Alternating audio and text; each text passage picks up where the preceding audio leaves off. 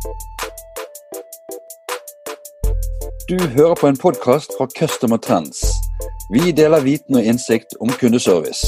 Se mer på vår hjemmeside customertrends.no.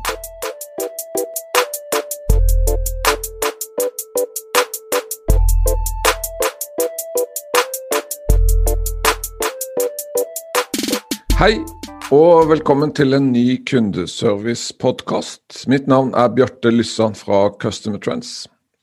I dag skal vi snakke om bemanningsplanlegging, og vi har kalt eh, episoden 'Human bemanningsplanlegging'. Og så skal vi komme mer tilbake til hva vi legger i det begrepet. Men jeg er veldig glad for å ønske velkommen eh, dagens gjest. Emma Skyggebjerg, direktør for VFM i Puzzle. Velkommen, Emma. Ja, tack ska du ha. Hvordan står det til med deg i dag? Jo, det är bara fint. Skulle vi starte med at du fortalte litt om deg selv og om Puzzle VFM?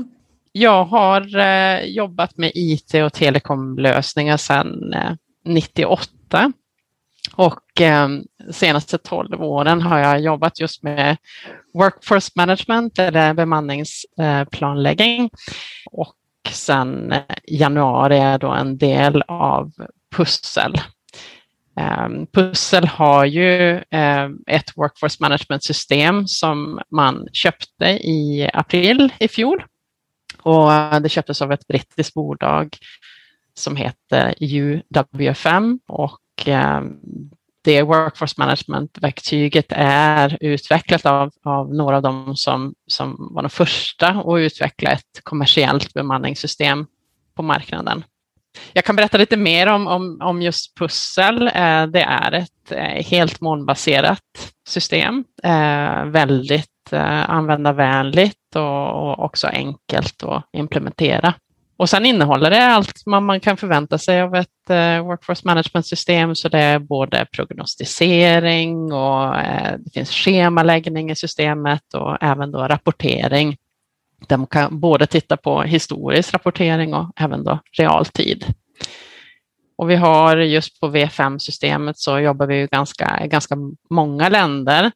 Eh, men fokus är eh, definitivt på Norden och eh, även då UK.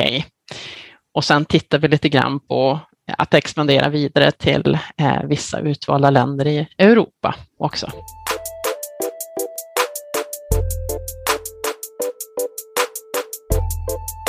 Mitt første spørsmål eh, det går på litt sånn overordnet. Hva, hva bør hensikten, målet med, med bemanningsplanlegging være? Ja, alltså det handlar ju i det stora hela om att eh, schemalägga rätt person vid rätt plats vid rätt tillfälle med rätt kompetens.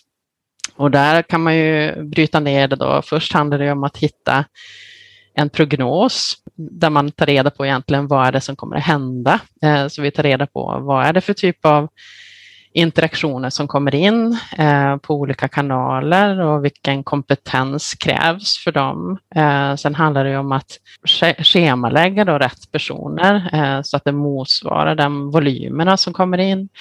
Och sen i, i sista delen är ju också att följa upp det hela. Hur gick det för oss?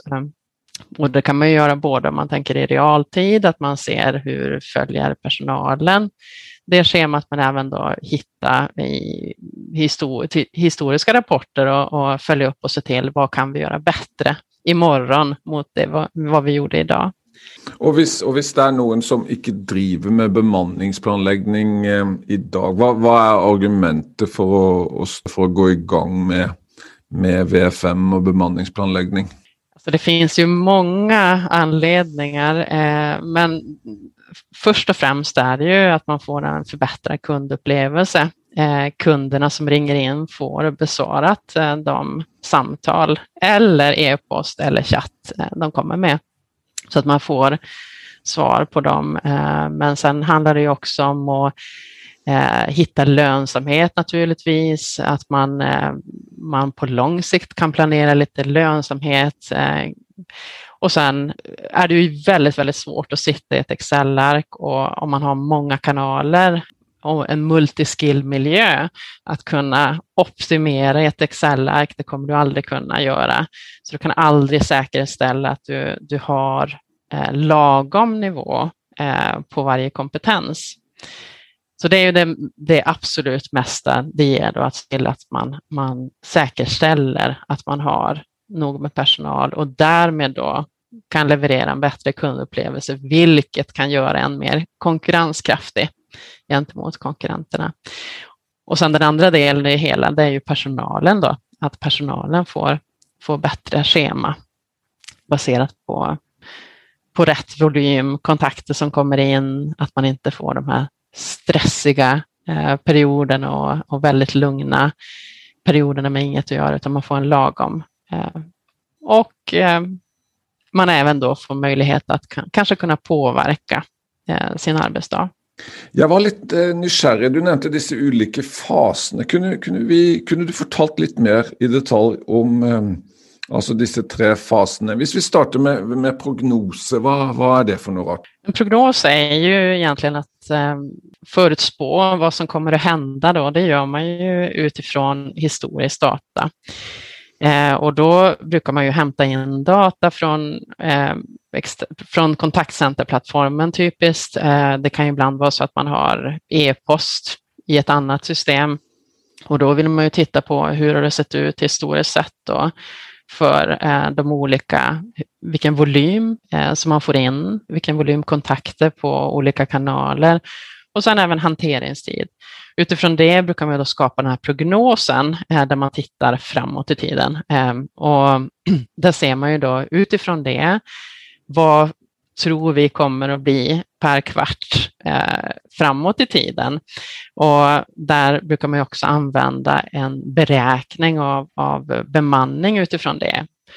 Om vi då får in de här kontakterna eh, med de här hanteringstiderna och vi önskar uppfylla den här servicenivån, då kommer vi att behöva ha de här antal agenterna på plats med de här skillsen.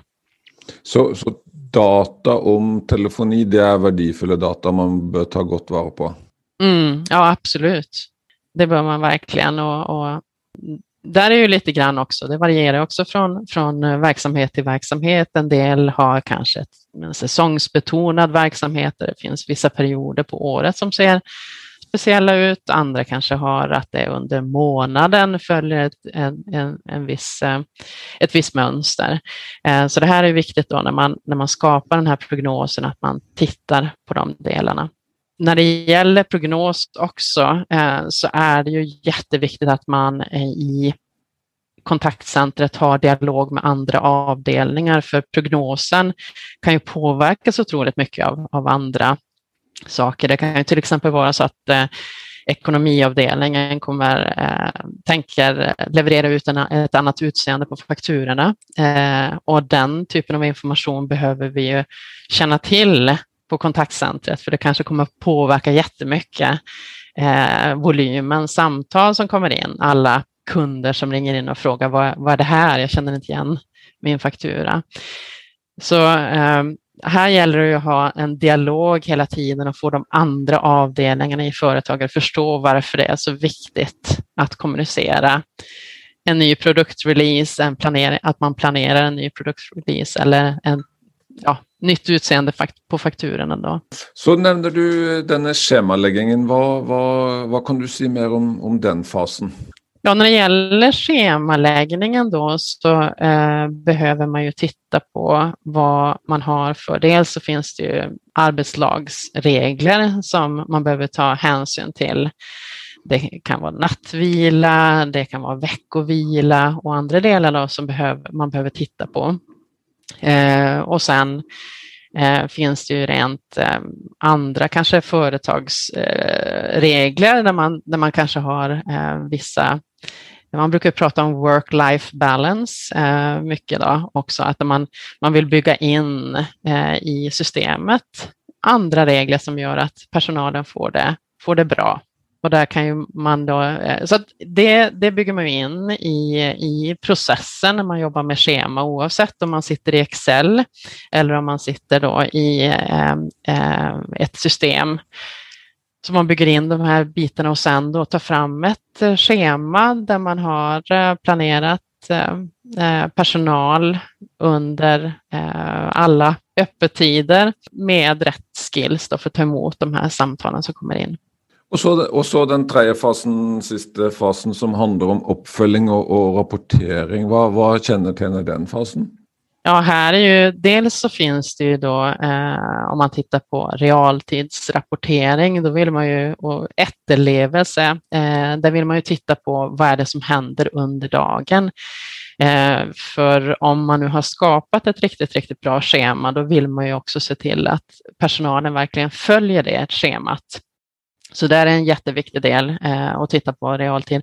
Men sen eh, även då historiskt sett, eh, att man plockar efter dagen är slut, man, man tittar på hur låg vi till i prognosen gentemot vad vi tänkte oss?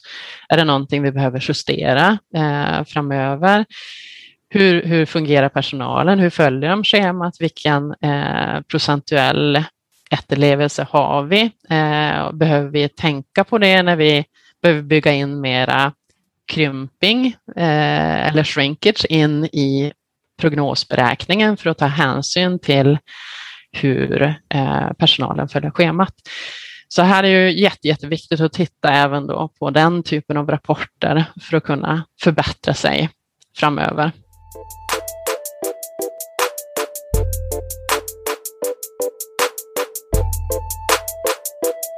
Emma, jag har um eh, lyst til å høre deg eh, fortelle litt om god og dårlig bemanningsplanlegging. Ehm, vad hva, hva, tenker du om det?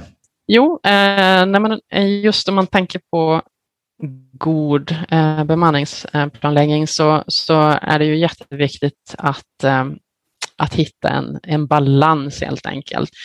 Eh, jag tror många gånger, eh, många fokuserar kanske på kostnadsbesparingar, att eh, om vi optimerar på vissa sätt så, så skapar vi eh, besparingar i personalkostnader. Men här är det ju alltid viktigt också att få med eh, personalen i det hela eh, och att få personal som är engagerad och trivs på jobbet för att kunna leverera det vi vill kunna leverera till våra kunder. Så det handlar ju om att skapa en, en balans, en, en lagom formula som gör att vi kan hålla både lönsamheten och eh, samtidigt ha en bra vardag för våra anställda. Och här eh, handlar det ju till mångt och mycket om att kunna påverka sitt schema. Det är ju den absolut allra mest motiverande faktorn för en anställd. Och det om man tittar på det i kombination med att man skapar den här balanserade, eh, balanserade schemat, eh, ett optimerat balanserat schema, då kan man eh, hålla nere sjukfrånvaron och personalomsättningen. Så att eh, där handlar det om att vi ska få en, ett, en balans över dagen, en lagom, ett lagom schema på personalen, men samtidigt ska vi uppfylla Eh, det, vi, eh, det som vi ska uppfylla och det är ju egentligen att, att svara på de samtalen eh, som kommer in. Sen är det väldigt viktigt att, att vi, vi kommunicerar till eh, personalen varför vi gör vad vi gör. Eh, och här är ju förankring A och O. Eh, de behöver förstå varför vi schemalägger som vi gör och att vi gör det här för att skapa en god upplevelse för våra kunder. Man brukar prata om the power of one eh, i bemanningsplanering. Och det innebär ju att man visualiserar vad som händer om en enda agent inte följer sitt schema hur det då påverkar eh, svarstider, servicenivåer, eh, occupancy och, och, alla de bitarna. Och det är en väldigt bra övning för att, för att få just den här förståelsen. Eh, återigen, så att vi hittar balansen mellan alla önskemål, men samtidigt att vi vill uppfölja, fylla eh, kundupplevelsen i första hand. Och din fråga var ju egentligen vad är god, vad är dålig? Och dålig är ju egentligen eh, andra sidan av myntet då, att vi inte lyckas få den här balansen. Eh, att vi Eh, helt enkelt eh, har scheman som inte passar de anställda, att man inte får säga till någonting om när man ska finnas tillgänglig. Eh, och att man, att man har en, en fe, helt fel balans i själva schemat också, att man är för få på plats när det ringer som mest. där det och då bränner det ut. Det är det som är också, det är inte bara att eh, vi får en dålig kundupplevelse utan det kommer bränna ut personalen. Så vi kommer att tappa personal. Vi kommer få sjukskrivningar, vi kommer få personalomsättning. Så att här är ju jätte, jätteviktigt att hitta just den här balansen.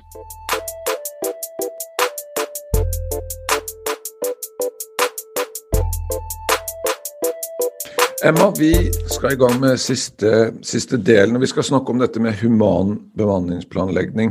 Og Da vil jeg dele min egen erfaring. Jeg har implementert V5 et, et par ganger og har opplevd altså, betydelig frustrasjon fra, fra agenter på kundesenteret når vi har gått fra en fase uten bemanningsplanlegging til en situasjon med at man opplever at arbeidshverdagen blir på en måte veldig strict, og, arbeidsplanen står i et system. Kan du fortelle litt hva, hva du legger i begrepet human bemanningsplanlegging? Eh, jo, men det handlar ju om dels att man bygger in i systemet. Eh, man behöver bygga in vissa regler som gör att det inte blir total flexibilitet som innebär att eh, personer kan få ett schema eh, från åtta en dag, två på eftermiddagen dag två, utan det behöver vara en, en, en human inställning där kring, kring hur, eh, hur mycket flexibilitet vi kan ha. Eh, sen är det ju jätteviktigt också att, att få med eh, dels eh, lite personalens önskemål, eh, att man inte låter det gå för strikt enligt behovet. Det är en väldigt viktig, eh, väldigt viktig del i det hela. Men återigen, jag kommer tillbaka till det här förankring. Eh, för när man inför ett nytt system så kommer det vara oavsett eh, hur små förändringar det är, det kan vara bara en annan font i schemat, eh, så, så behöver man förankra eh, att man gör det här och tillbaka till varför vi gör det. Eh, det är ju faktiskt för att få en bättre kundupplevelse eh, och vi behöver göra det här.